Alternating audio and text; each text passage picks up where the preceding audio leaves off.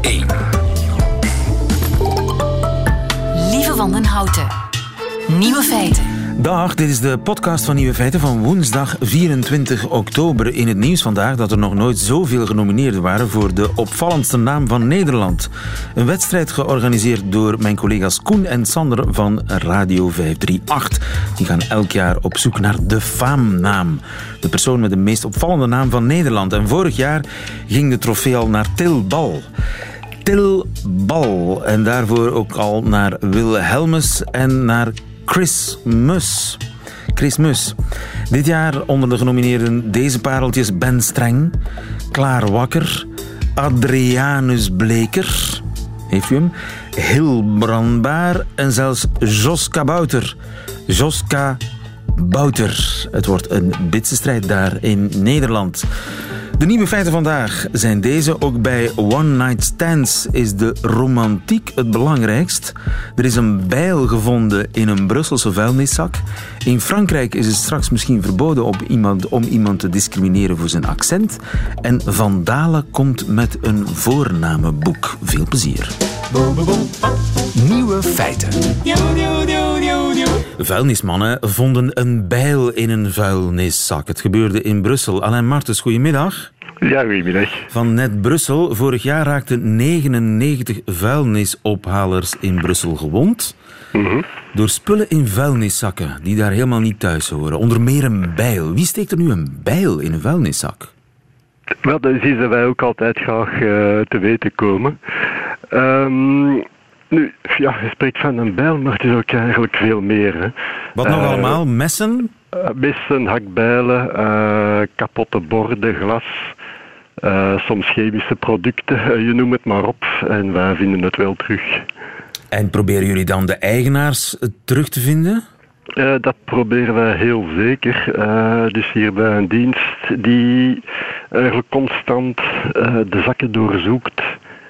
Eh, bij wijze van steekproef, dus 500 zakken per dag. Witte zakken. Eh, op eh, het Witte dat is in Brussel dat is restafval. voor, de, voor het restafval, ja. Dus voor het niet naleven van de sorteerplicht, voor alle gevaarlijke voorwerpen en stoffen die daar kunnen inzitten. En er En, zijn mensen gewond geraakt? Zijn er mensen die blijvende sporen daar, blijvende letsels daaraan overhouden? Er zijn mensen, ja, je, hebt het gezien in onze brochure, dus een honderdtal ongelukken vorig jaar. Eh, onder de ergste ongelukken hebben wij Vlaanders gehad die eh, zuur, een soort van zuur product op zich hebben gehad.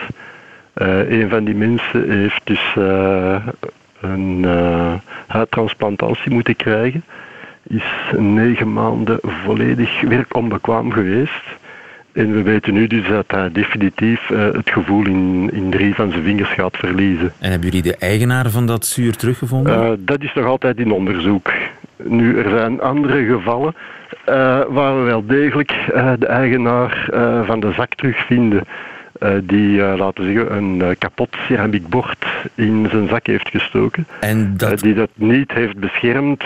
Resultaat, de lader, dat, dat bord is door zijn handschoen, door zijn hand gegaan. Eh, man, en eh, eh, hoe hoog lopen de boetes op als jullie eh, zo iemand kunnen klissen? Wel, er zijn eigenlijk twee dingen. Dus je hebt eerst de kosten voor de ophaling en de verwerking van het afval. Eh, in zo'n geval is dat minimum 50, eh, pardon, 150 euro. Eh, de boete die kan theoretisch oplopen tot 62.500 euro. Theoretisch, Dus 62.000 theoretisch, zover euro. Gaan we, is, zover gaan we nu niet gaan. Maar als er mensen gewond raken, gaat de boete toch zeker minimum rond de 500 euro liggen. Plus natuurlijk het risico dat de verzekering, onze verzekering dan kan zeggen, oké meneer, u heeft een fout verantwoordelijk, dus... eh, En nu betaalt u alles terug wat wij eh, aan, eh, aan die arbeider moeten uitbetalen. Ja, qua loon. dat, dat kan natuurlijk heel snel gaat- in de duizenden euro's gaan lopen. Dat klopt, ja. ja. Maar waarom gaan die mensen niet naar het containerpark met hun spullen? Eh, wel, dat is een vraag die wij ons elke dag stellen sinds 18 jaar. Eh, je moet dus weten dat in Brussel eh, de containerparken nu toch zeven dagen op zeven open zijn. Eh, je hebt de Proxy Chimiek die toch twee keer per maand, hè, onze kleine camionet, die al het chemisch afval komt ophalen, twee keer per maand in elke gemeente. En nog vinden veel Brusselaars de weg niet naar het containerpark. En dat, niet, dat is niet een kwestie van een paar, een paar uitzonderingen. Nee, dat is echt epidemisch. Het is iets dat wij heel regelmatig zien. Uh, en het is des te meer idioot uh, dat je niet alleen de containerparken hebt, de proxy chimiek, je hebt de glasbollen. Uh, je kunt bij ons bellen en wij komen gratis drie kubieke meter afval per jaar ophalen thuis. Maar dat heb ik niet hoor, waar ik woon. Enzovoort. Ja. ja ik, ik, denk dat onze service naar de bevolking toch heel goed is. Uh, maar de mensen flikkeren hun spullen gewoon op straat of in, in ja. Het is eigenlijk een, soort. Denken er niet aan. Denken er niet aan. Het is eigenlijk een traditie, een cultuur. Zo, van, dat, dat doen we. Dat, zo gaat dat hier in Brussel. Uh, is het een traditie of is het gewoon niet nadenken? Uh, elke keer als wij mensen verhoren daarover, dan zeggen wij toen ook: hè, luister, we hebben dit, we hebben dit, we hebben dit. Waarom heb je het nu nog eigenlijk op straat gezet? En, ah ja, niet nagedacht. niet nagedacht. Niet nagedacht, De Brusselaar heeft ook natuurlijk geen auto vaak. Misschien is dat een, een drempel om met spullen naar het containerpark uh, te gaan? Hmm, dat zou kunnen, maar goed, als je niet naar het containerpark kan, bel ons dan. Ja. Er zijn altijd en oplossingen. Komen, ja. Vandaar nu de campagne, want kennelijk is er toch ook een gebrek aan informatie misschien? Ja, ik denk dat de mensen zich niet altijd realiseren uh, dat veiligheidskledij wel goed is, maar dat dat geen absolute bescherming is. Uh, iemand die uh, een glazen fles breekt en die die in de, in de witte zak steekt, uh, het mag, maar hij moet er dan wel aan denken dat hij die in goed kranten gooien, in, in kranten krant, wikkelen, karton, weet ik veel. Goed, gewoon zien dat dat niet ja. naar buiten kan, dat dat de arbeiders niet gaat vermonden. Een campagne in de hoop op beterschap in Brussel. Dankjewel Alain Martens van Net Brussel. Goedemiddag. Het beste dag.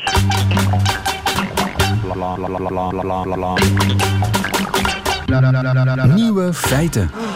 Straks misschien verboden in Frankrijk iemand discrimineren omdat hij een accent heeft. Geert van Istendaal, goedemiddag. Goedemiddag. Je bent schrijver. Ze noemen dat daar, hou je vast, glottofobie. Glottofobie.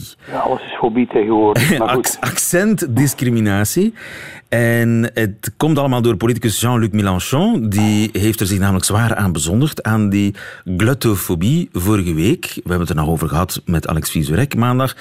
Toen een journaliste aan Mélenchon met een zwaar Provençaalse tongval een vraag stelde antwoordde hij dit. Quelqu'un a-t-il une question formulée en français et euh, à peu près compréhensible parce que moi votre niveau me dépasse, je ne vous comprends pas. Kan er misschien iemand een vraag in het Frans stellen, want mevrouw haar niveau uh, haal ik niet. Sam dépasse, een duidelijk geval van glottofobie, vond een parlementslid, Letitia Avia. En uh, zij diende prompt een voorstel in om dat soort discriminatie op basis van iemands tongval te verbieden. Vindt u dat een goede zaak, Geert? Nee, ik vind dat geen goede zaak. Daar moet je met wetten van afblijven. Uh, maar uh, wat meneer Mélenchon, een groot linksstrijder in de Hoge Heren, daar zegt, is schandelijk. Ja, natuurlijk, hij heet Mélenchon. Hè, Mélenchon. In, in het Zuid-Frans. Maar, maar dat, dat, dat, dat, zeg je niet. Uh, en toch is het bon ton in Frankrijk, hè, om neer te kijken op een regionaal accent? Ja, de Franse taal is heel anders dan uh, onze taal. Um, georganiseerd, namelijk veel gecentraliseerder, met een zeer, zeer, zeer zware nadruk op uh, Parijs en dus ook de tongval, het accent als je wilt, uh, van Parijs. Dat is zo, ja. Dus daar moet je in Parijs moet je niet aankomen zetten met een uh, Provençaalse tongval? Nee, met, want, met want uh, wel, Fernandel kwam daarmee weg natuurlijk, maar dat was om te lachen. Fernandel, Jacques Brel? Jacques Brel met een Belgisch accent, die, die heeft toch wel een, een beetje moeten knokken om, om uh, geaccepteerd te worden. En werd dan ook volledig omarmd, wat dat doen de Fransen natuurlijk ook wel. Ja, ja. Dan, dan kunnen ze je heel, heel uh, hartelijk ontvangen. Maar het Nederlands, uh, het Duits en zo, dat is heel anders. dat, die, die talen zijn niet zo sterk gecentraliseerd gestuurd, eh, zou ik maar zeggen. Ja, ja. De, de, Fransen hebben een, een, sterke neiging om heel erg naar Parijs te kijken. Vandaar misschien in Brussel, als, als ik een pintje in het Vlaams bestel, ja, kijken ze naar mij alsof ik uh, die Franse, die Provençaalse vragenstelster ben. Hè? Ik, een, uh... ik heb 37 jaar in Brussel gewoond, tot, tot vorig jaar. En uh, dat werd steeds minder. Ah ja. Dat werd steeds minder. Ik heb nog meegemaakt dat ze zeggen retourner à votre village. En ik vroeg dan, uh, en waar dat, zou dat dan wel zijn? Ik woon in Brussel, ben ik geboren. Ja, daar hadden we natuurlijk uh, geen antwoord op. Nee, dat wordt steeds minder. Ook omdat je uh, een, een, grote aanwezigheid hebt van buitenlanders, arme buitenlanders van diverse herkomsten. En die zijn daar zeer pragmatisch in. Ja, dus, uh, die komen dikwijls ook uit landen die, die, die min of meer meertalig zijn, in Afrika en zo. En die, die zeggen, ja, hoe zit dat hier, Frans en Nederlands? Nou, dan doen we dat. Een goed voorbeeld is mevrouw Asita Kanko. Juist. Die, die, die heel tweetalig is. Dus die, die Parijse, uh, snob, dat Parijse snobisme is er een beetje uit aan het gaan in Brussel. Nu, in Engeland, bijvoorbeeld op de BBC, uh, de BBC-versie van Ter Zake, Newsnight, ja, wordt vaak gepresenteerd door iemand met een Schots accent. Laten we eens luisteren. Before we go, you might have seen the demand by the Conservative MP Andrew Rossendale. The BBC One should play God Save the Queen at the end of the day's programming. The end of the day, before we go. Dat is echt een duidelijk uh, Schots accent. Op de BBC mogen accenten. Uh, toen ik in Engeland woonde in de jaren 70, uh, heb ik wel zwaarder Schots accenten gehoord hoor. Dat is een licht Schots accent. ja. Maar goed, bovendien, daar is... bovendien het Uxbridge, dus het Uxbridge uh, van Oxford en Cambridge uh, uh, is het eigenlijk nog altijd de bon ton hoor, in, in de betere kringen. Zeker in een land dat zo in klassenverhoudingen verscheurd is als, als Engeland. Ja. Dus ook in Engeland is er wel degelijk... Maar er is... heel gecentraliseerd is het Duitse taalgebied. in München pijnzen ze er niet over om te spreken zoals in Hamburg en vice versa. En in Wenen uh, spreken ze met een zwaar Weens accent als ze geen dialect spreken. En dus als die, die Wener in Hamburg komt of, of de, de Münchner in, uh, in Berlijn, dan houdt hij gewoon zijn regionaal accent. Dat is geen enkel probleem. Zijn regionaal accent, hij past misschien zijn woordenschat een beetje aan. Hij zegt misschien breutje in plaats van zemmelen. Maar toch hoor. En je kunt daar ook mee spelen natuurlijk. Maar ik ken uh, bijvoorbeeld... Uh, Merkels minister van Binnenlandse Zaken, de beruchte Beyer uh, Zeehofer.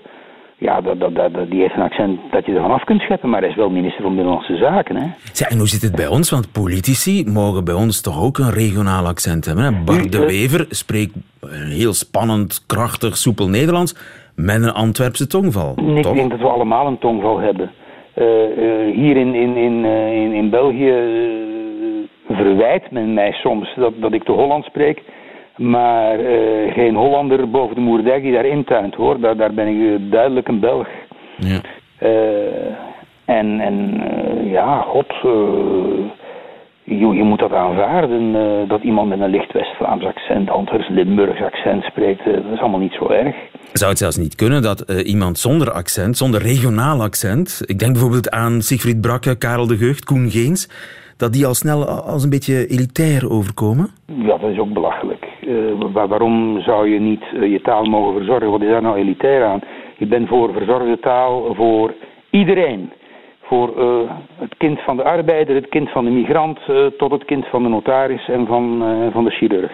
Iedereen heeft daar recht op vind ik. Dus, en ik vind dat er in onze scholen daar te weinig aan wordt gedaan. Maar zijn we dan niet streng genoeg voor mensen met een regionaal accent? Nee, je moet daar niet streng voor zijn. Je moet in de school goed Nederlands leren. En uh, op een heel prettige manier, van in de kleuterklas in de lagere school, leer ze die, die hilarische versjes van Annie G. Schmidt opzeggen en zo. dat, dat kan allemaal heel prettig. maar waarom zou je... Um, uh, daar een soort anti-elitaire rancune tegen moeten koesteren. Helemaal niet. Dat ook weer niet. Maar... Bovendien haalt het het beste uit de kinderen.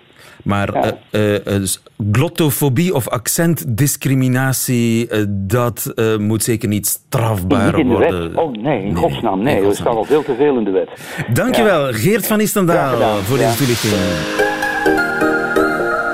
Nieuwe feiten. One-night stands, ze zijn romantischer dan u denkt. Wim Slabbink, goedemiddag. Goedemiddag. Wim, u bent seksuoloog en het zijn collega's van u aan het Kinsey-instituut in de Verenigde Staten die een onderzoek gedaan hebben bij studenten, min 25-jarigen, om te bekijken of er een groot verschil is tussen hun losse seksuele contacten en de seks die ze met hun lief hebben. Nu hebben alle studenten one-night stands? Is dat iets wat alle studenten doen? Nee, helemaal niet. Daar zit eigenlijk een enorme variatie in. Uh, in dit onderzoek bijvoorbeeld zien we dat zes van de tien studenten uh, one-night stands heeft. Zes van de tien. En doen ze dan andere dingen met een liefje voor één nacht dan de dingen die ze met een vaste partner doen? Is dat andere seks? Wel, ik denk dat ze hetzelfde doel hebben, maar dat ze het vaak ook niet uh, bereiken uh, bij de one-night stands. Uh, one-night stands zijn bijvoorbeeld minder kwalitatief als we gaan kijken naar de inhoud van de seks. mensen komen minder vaak klaar bij een one-night stand bijvoorbeeld. En ze vinden die seks ook vaak minder goed dan in een relatie. En is het gewoon erop en erover, of hoort daar nog knuffelen bij en blijven slapen? Uh, dat hoort daar zeker bij, maar dat is ook vaak iets dat net moeilijk ligt in die one-night stands. Uh, ik denk dat uh, seks een vorm is van intimiteit. Uh, niet omgekeerd. Uh, en uit die studie bleek bijvoorbeeld ook dat veel mensen uh, de verlangens hebben om bijvoorbeeld in elkaars ogen te kijken, te knuffelen, te blijven slapen. Dat dat ook niet altijd lukt. en we kunnen dus ook afvragen, is de zoektocht van een mens in een one-night stand om seks te hebben, of is die zoektocht eigenlijk daar ook om juist intimiteit te hebben? Dus zelfs bij een one-night stand draait het niet allemaal om de seks? Het is misschien eerder een one-night hug, wat veel mensen willen, inderdaad. Een one-night hug? In plaats van een one-night stand. En is dat voor de mannen hetzelfde als voor de vrouwen? Uh, er zijn verschillen, maar die zijn minder uh, groot dan we denken. Uh, ik weet niet als je het weet, lieve, maar mannen zijn wonder bij wonder ook mensen. Uh, die houden ook van intimiteit en uh, natuurlijk. En uit deze studie blijkt bijvoorbeeld dat de meerderheid van de mannen ook op zoek gaat naar knuffels bij seks. Uh, dat veel ook ervan houden om oogcontact te hebben, om te verbinden, om voorspel te hebben. En ik denk in essentie, man of vrouw, zijn we allemaal op zoek naar intimiteit. We zijn huidhongerige wezens. Kijk naar de bonobos bijvoorbeeld, die vrijen niet alleen heel vaak, maar die knuffelen ook heel vaak, die vlooien elkaar uit. Uh, dus die zijn constant bezig met verbinding, intimiteit. Iets wat voor singles in onze maatschappij, tegenwoordig geen op drie, soms heel moeilijk te vinden is. Ja, ja dus dat acrobatische nummertje zonder veel poespas, ja. dat is echt iets wat in de fantasie bestaat. Ik blijf proberen, is misschien dat mensen met een vaste partner die dan eens een slippertje doen, dat die dan wel zonder allerlei geknuffel uh, het doel proberen te bereiken? Ja, dat klopt. Uh, mensen Aha. die al een relatie hebben, misschien wat minder seks hebben in die relatie of niet zo goede seks, uh, gaan vaak net op zoek naar het seksuele in die affaires of in die one-night stands. Maar ik zie bijvoorbeeld ook in mijn praktijk dat uh, als mensen in hun basisrelatie te weinig intimiteit uh, vinden, dat ze dat net wel gaan zoeken in het slippertje. Ja, ja. Dus er is eigenlijk een enorme neiging naar intimiteit. En die intimiteit wordt eigenlijk systematisch onderschat. Het, de puur seksuele honger, het puur lijfelijke, dat wordt stelselmatig overschat. Ja, en uh, we moeten misschien een beetje gaan twijfelen of de term die we hebben, one-night stand, dan ook wel de, de goede term is. Had het niet eerder over een one-night hug, inderdaad, of casual intimacy of zoiets. Allee, ik denk dat het goed zou zijn dat Tinder zou nadenken over een, uh, een, een, een, een, een, mogelijkheid om bijvoorbeeld te zeggen, ik wil een one-night hug, of ik wil een one-night uh, one-night intimiteit, of wat dan ook. Ja. Zijn er eigenlijk wel mensen die seks als een soort sportieve vrije tijdsbesteding zien? Liefst zonder veel romantische poespas, directe koffer in met een onbekende. Ja, um, ten eerste is dat natuurlijk iets die uh, sterk gepropageerd wordt. We zien het heel vaak terugkeren in porno, in magazines, uh, in uh, verhalen, in de films. dus dat voedt ons, ons verlangen en, en onze fantasie gaan daar ook vaak over.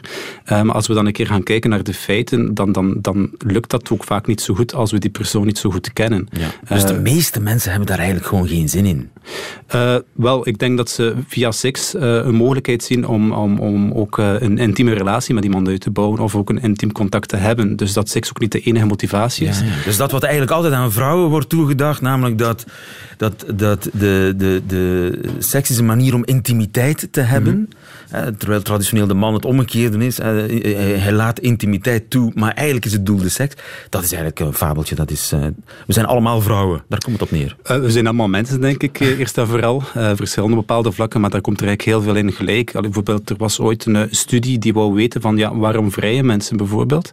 En daaruit kwamen 237 redenen naar boven.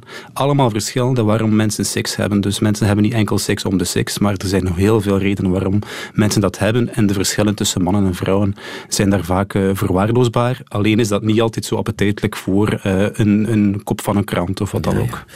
Dus in ieder geval, de, de wham bam, thank you ma'am uh, mannen, die bestaan wel, maar ze zijn een kleine minderheid. Dankjewel, Wim Slabbing. Goedemiddag. Dus, graag gedaan. Nieuwe feiten. Is er een knoop die moeilijker is door te hakken dan een naam bedenken voor uw kind? En daarom brengt Vandalen nu het grote voornamenboek uit. En daarin staan bijna alle namen en hun herkomst en hun betekenis. Heidi Albrecht, goedemiddag. Goedemiddag. Je bent een van de schrijvers van het voornamenboek. Wat betekent Heidi eigenlijk? Heidi is een vlijvorm van adelheid. Dat is een Germaanse naam. En die betekent vrouw van edele aard of edele gestalte. Gefeliciteerd. Ijdelheid, adelheid, Heidi slash. Ja. En, en lieven, mag ik dat vragen? Ik profiteer ja. ervan. Lieve, dat uh, is uh, van oorsprong een oud-Engelse naam. Die luidde Leofwine. En dat betekent geliefde vriend. Leo Leofwine. Oké. Okay. En, maar ik, ik dacht altijd dat het ook van een heilige kwam, namelijk de, de Sint-Lieven. Ja, zeker. Uh, er is een heilige die Lieven heet. En dat is de beschermheilige van Gent. Dat was een van oorsprong Ierse missionaris die in Vlaanderen de marteldood stierf. Oké, dus het is een hele Gentse naam. Klopt ook, want ik woon er. Dus ah, kijk eens aan. Ik mag blij zijn. Nu, de, de, veel namen komen van heiligen, hè? Toch? Ja, dat klopt. Een heel groot deel van onze namenschat is gebaseerd op heilige namen. En is dat altijd al zo geweest? Nee, in ons taalgebied droegen mensen voor de kerstening Germaanse namen. Zoals Heidi. Ja, precies. Adelheid. Ja. Dat is echt uh, een, een typisch Germaanse naam. Nu, namen zijn wel heel modegevoelig, hè? Worden er nog veel Willys en, en, en Marietten en Eddies geboren? Uh, nee, de Willys en de Eddies die zijn wel heel erg sterk gedaald. Er zijn veel meer Willys en Eddies die 65 jaar en ouder zijn... dan dat er nog jonge mensen zijn die zo genoemd worden. Dat is echt iets van kort na de oorlog, hè, toen de bevrijders, de Amerikanen... vaak Willy en Eddie heten. Oh, nou, dat wist ik niet eens. Nee? Nee. Zet dat eens in uw boek bij de volgende druk. nou. Tenminste, dat is wat ik denk, common sense. Uh, dat waren toen de helden, de Amerikanen. Ja, oké. Okay. Ze hadden chocolade bij en sigaretten en zo. Nu, ja. namen zeggen ook iets over je sociale klassen. Hè? Ik heb ooit een meisje gehoord die wou geen Kevin. Of een Mario. Vond ze beneden ja, haar stand. Nou ja, daar kun je een hele mooie boom over opzetten. Maar daar hebben wij op zich geen onderzoek naar gedaan. Wij hebben ons verdiept in waar namen vandaan komen en wat ze betekenen. En de bronnen die wij geraadpleegd hebben, die bevatten geen informatie over de sociaal-economische klasse okay. van de ouders. Zij, en uh, zal ik eens een paar namen van mijn collega's op tafel gooien? Sophie ja, bijvoorbeeld. Sophie. Welke? Sophie. Sophie. Sophie komt van Sophia. En dat is uh, een uh, Griekse naam die wijsheid betekent. Kijk eens aan, Sophie Lemaire, ze zal er blij mee zijn. Aiko, weet je daar iets over? A-Y-C-O, dat is een hele zeldzame naam, hè? Ja, maar uh, het zou kunnen zijn dat dat een vlijvorm is van uh, Germaanse namen die beginnen met het naamdeel adel. Net als mijn naam trouwens, adelheid. En dat betekent edel. Of met het naamdeel ach. En dat betekent punt, scherpe kant en vandaar ook zwaard. Oké, okay, een zwaard. Een edelzwaard. Aiko. Zoiets. Ja, nee, het is in dit geval niet en-en, maar of-of. Of-of, we weten ja. het niet zeker. En heeft u ooit van een Friedel gehoord? Uh, ja, dat is een afleiding van een Germaanse naam die begint met Fried. En dat betekent vrede, veiligheid, bescherming. Zoals Frederik. Ja, precies. Dus eigenlijk is Friedel een soort Frederik. Fred. Ja. Freddy. Een, een paar beroemde namen in Vlaanderen. Uh, Arno bijvoorbeeld. Dat is, uh, weinig mensen kunnen het zich veroorloven om alleen met hun voornaam bekend te zijn. Arno is er zo eentje. Ah, nou dat is een verkorting van Arnold. En ook dat is weer een Germaanse naam. En die betekent heersend als een arend. Heersend als een arend. Arno, eigenlijk is het Arnold. Ja, daar is Arno anders. een verkorting van. Ja, ja. En Goedele? Goedele is een vlijvorm van goede. En dat is een verkorting van Germaanse namen die beginnen met uh, God. En dat betekent God of goed. Zij is een soort God. Of uh, heel goed. Heel treffend gekozen van uh, Goedelaar ouders. Otto Jan? Otto Jan bestaat natuurlijk uit de delen Otto, Otto en Jan. Jan. Nou, Otto komt van Ode. En dat is een verkorting van, van Germaanse namen die beginnen met Ot of met Odol. En dat betekent erfgoed. En Jan is een verkorting van Johannes. En dat is de Griekse vorm van de Hebreeuwse naam Johannan. En die naam betekent Yahweh is genadig. God zij gelooft, zoiets. Ja. Nu moet je per se een originele naam willen, want mensen zoeken vaak tot ze iets gevonden hebben wat niemand anders gevonden heeft.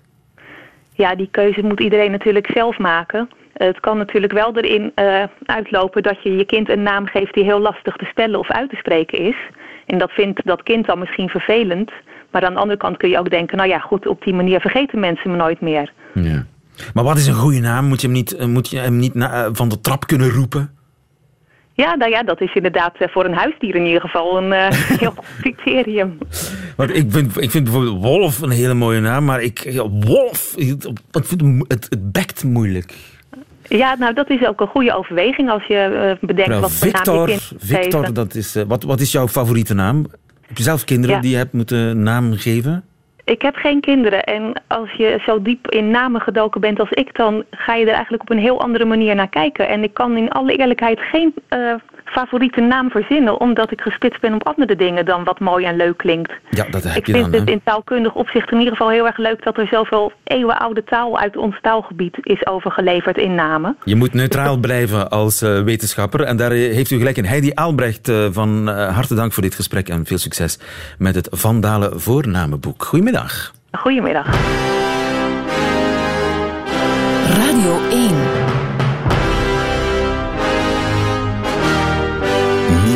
Feiten.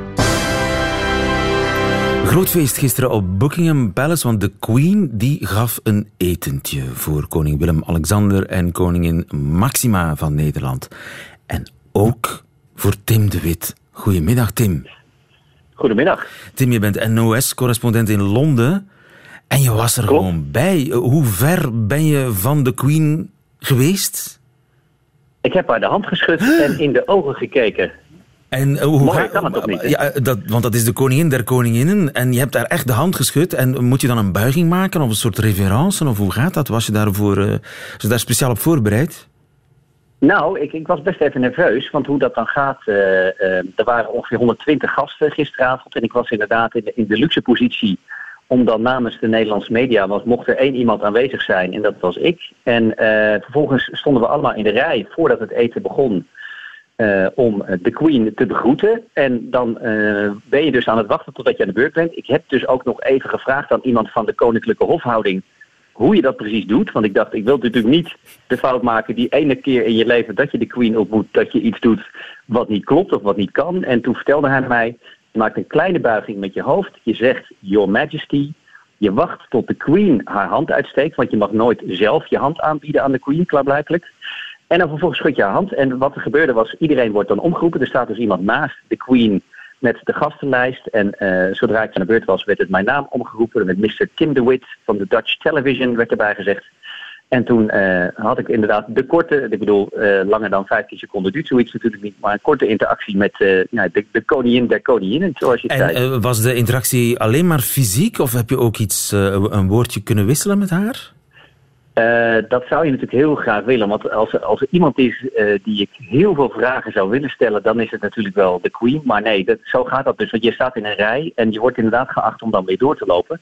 Dan moet ik zeggen, er waren, eh, de rij met gasten die ik de hand moest schudden was, was overigens ook niet verkeerd. Want na de Queen stond ik even oog met onze eigen koning, Willem-Alexander, zijn vrouw Maxima. Prins Charles stond ook in de rij. Die heb ik ook nog even kort de hand mogen schudden. En zijn vrouw Camilla.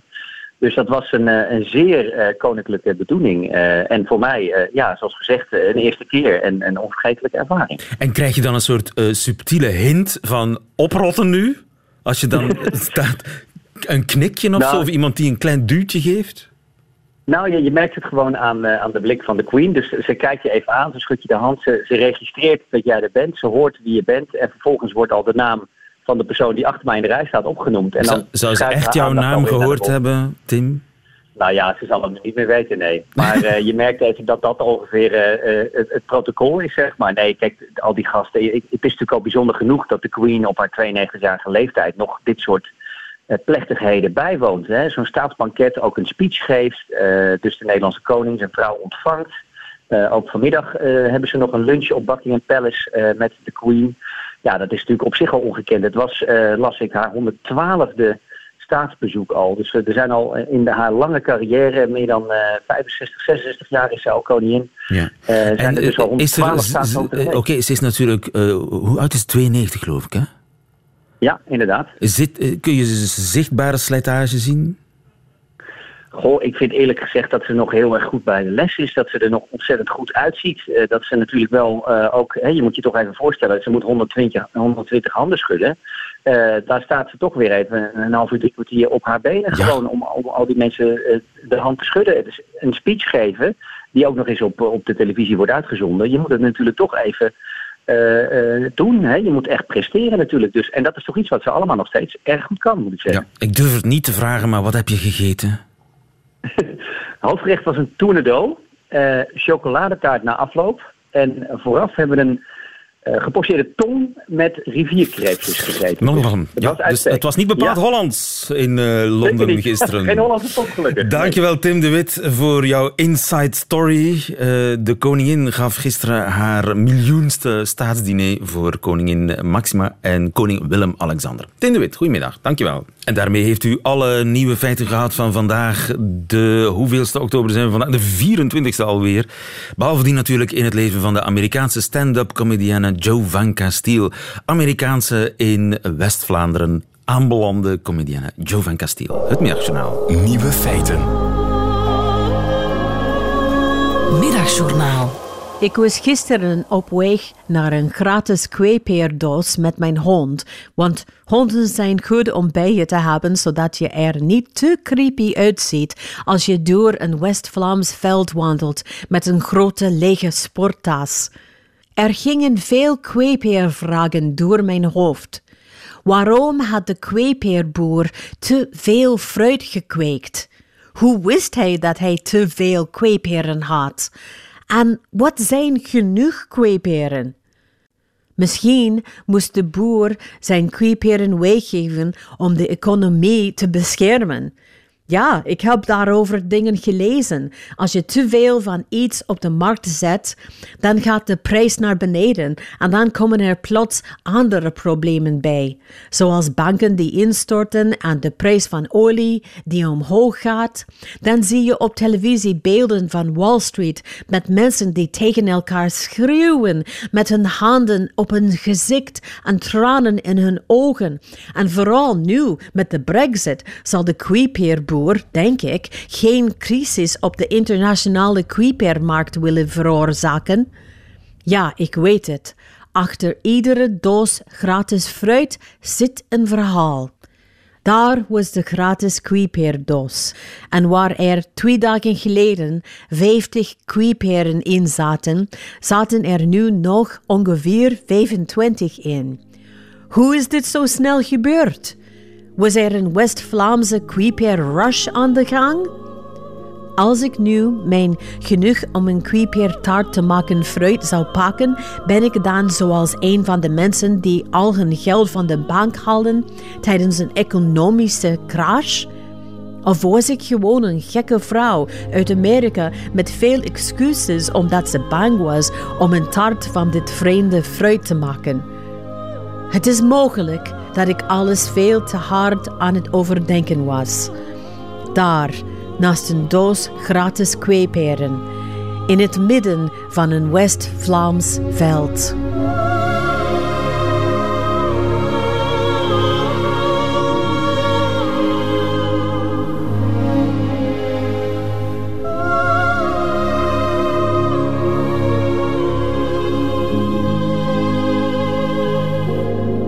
Middagjournaal met Jovan Castiel. Meteen het einde van deze podcast. Maar u vindt er nog veel meer op radio1.be en op de gebruikelijke podcastkanalen. Tot volgende keer.